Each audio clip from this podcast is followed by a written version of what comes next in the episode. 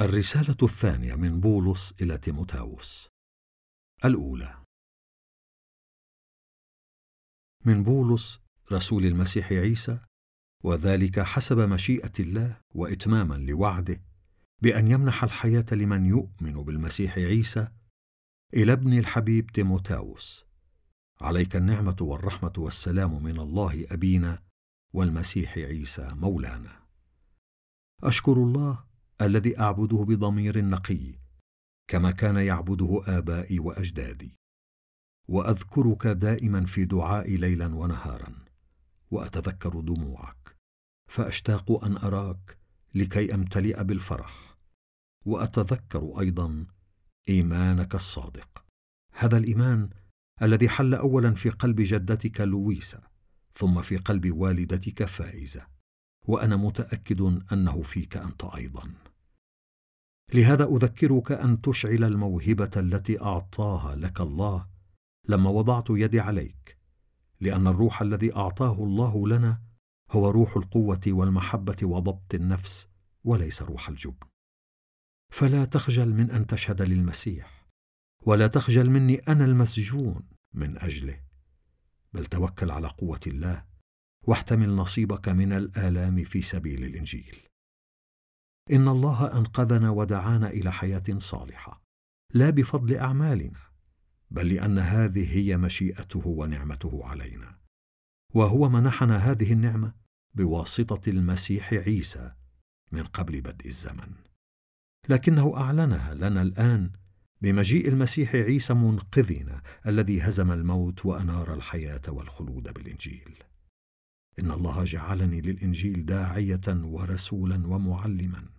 ولهذا أحتمل هذه المتاعب ولكني لا أخجل لأني عارف من آمنت به ومتأكد أنه قادر أن يحفظ لي وديعتي إلى ذلك اليوم. تمسك بالمبادئ السليمة التي سمعتها مني.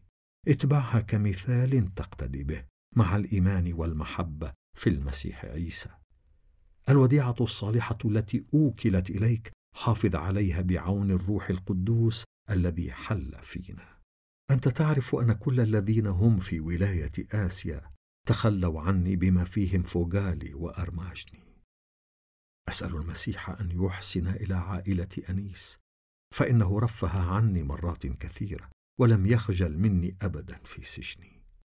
بل لما كان في روما بحث عني باجتهاد حتى وجدني. أسأل المسيح أن يحسن إليه بإحسان إلهي في ذلك اليوم.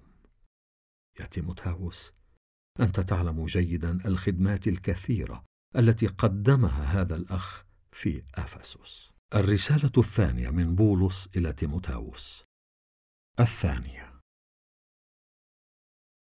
وأنت يا ابني كن قويا بالنعمة التي في المسيح عيسى.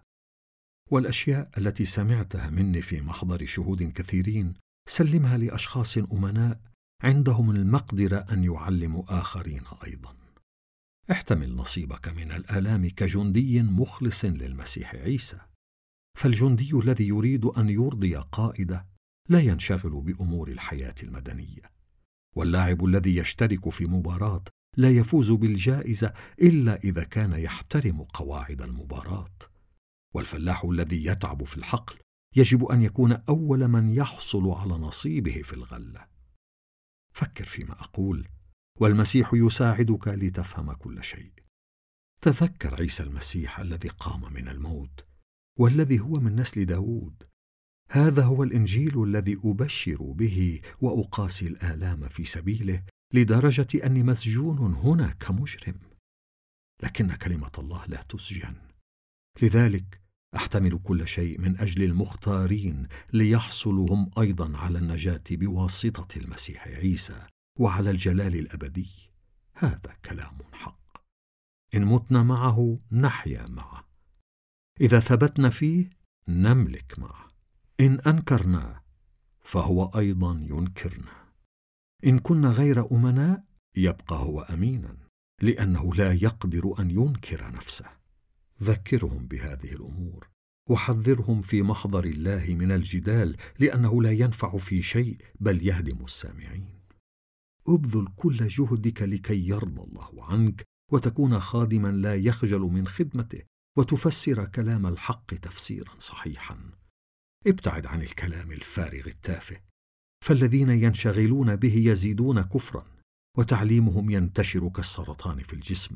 ومنهم مثلا هيمينايوس وفلتوس. إنهما ضلا عن الحق. يقولان إن قيامة الأموات حدثت فعلا فيهدمان إيمان بعض الأفراد. لكن الأساس المتين الذي وضعه الله يظل ثابتا وعليه هذا الختم. ربنا يعرف الذين هم له. وأيضا كل من يعبد ربنا يجب أن يبتعد عن الشر. في دار كبيرة توجد آنية من كل الأنواع بعضها من ذهب ومن فضة وبعضها من خشب ومن فخار بعضها لاستعمال كريم وبعضها لاستعمال حقير. فإن كان واحد يحفظ نفسه طاهرا من هذه الشرور التي ذكرتها يكون اناء كريما مخصصا لله نافعا لخدمة السيد ومستعدا لكل عمل صالح. ابتعد عن شهوات الشباب واتبع الصلاح والإيمان والمحبة والسلام مع الذين يدعون المسيح بقلب طاهر. ابتعد عن المناقشات التافهة الغبية فأنت تعرف أنها تسبب الخصام وخادم المسيح لا يصح له أن يخاصم بل يجب أن يشفق على الجميع وأن يكون قادرا أن يعلم وصبورا ويصحح الذين يعارضونه بلطف لعل الله يمنحهم أن يتوبوا ويعرفوا الحق لكي يرجعوا إلى صوابهم ويهربوا من فخ إبليس الذي صادهم ليعملوا مشيئته. الرسالة الثانية من بولس إلى تيموتاوس. الثالثة. وأريد أن أذكرك بأنه في الأيام الأخيرة تأتي أوقات صعبة فيكون الناس محبين لأنفسهم.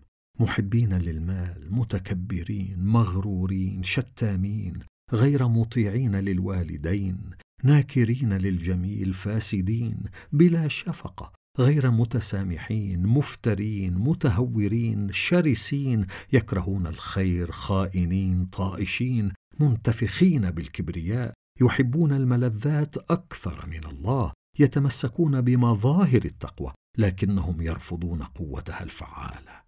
فابتعد عن هؤلاء الناس. إن البعض منهم يندس في العائلات ويفتن نساء ضعيفات مثقالات بالذنوب ومنقادات لكل أنواع الشهوات يتعلمن دائما لكن لا يمكنهن أن يعرفن الحق ابدا. وكما أن ينيس وينبريس عارضا موسى كذلك هؤلاء الناس يعارضون الحق. عقولهم فاسدة وهم غير أهل للإيمان لكنهم لن يتقدموا أكثر. لأن غباوتهم ستنكشف بوضوح للجميع كما انكشفت غباوة ينيس وينبريس. أما أنت فإنك تعرف كل شيء عن عقيدتي وسلوكي وهدفي وإيماني وصبري ومحبتي وثباتي والاضطهادات والآلام التي قابلتها. أنت تعرف كل ما حصل لي في أنطاكيا وإيقونية وليستر. كانت اضطهادات رهيبة. لكن المسيح أنقذني منها كلها. فكل من يريد أن يعيش بالتقوى كمؤمن بالمسيح عيسى يضطهده الناس. أما الأشرار والمحتالون فيزيدون شرا يخدعون غيرهم ويخدعون أنفسهم. أما أنت فاثبت على المبادئ التي تعلمتها وآمنت بها وتذكر على يد من تعلمت ذلك فإنك منذ كنت طفلا تعرف كتاب الله. الذي يجعلك حكيما لتنال النجاة بالإيمان بالمسيح عيسى. كل الكتاب هو موحى به من الله ونافع لتعليم الحق وتوبيخ الضلال وتصحيح الخطأ والإرشاد إلى الصلاح.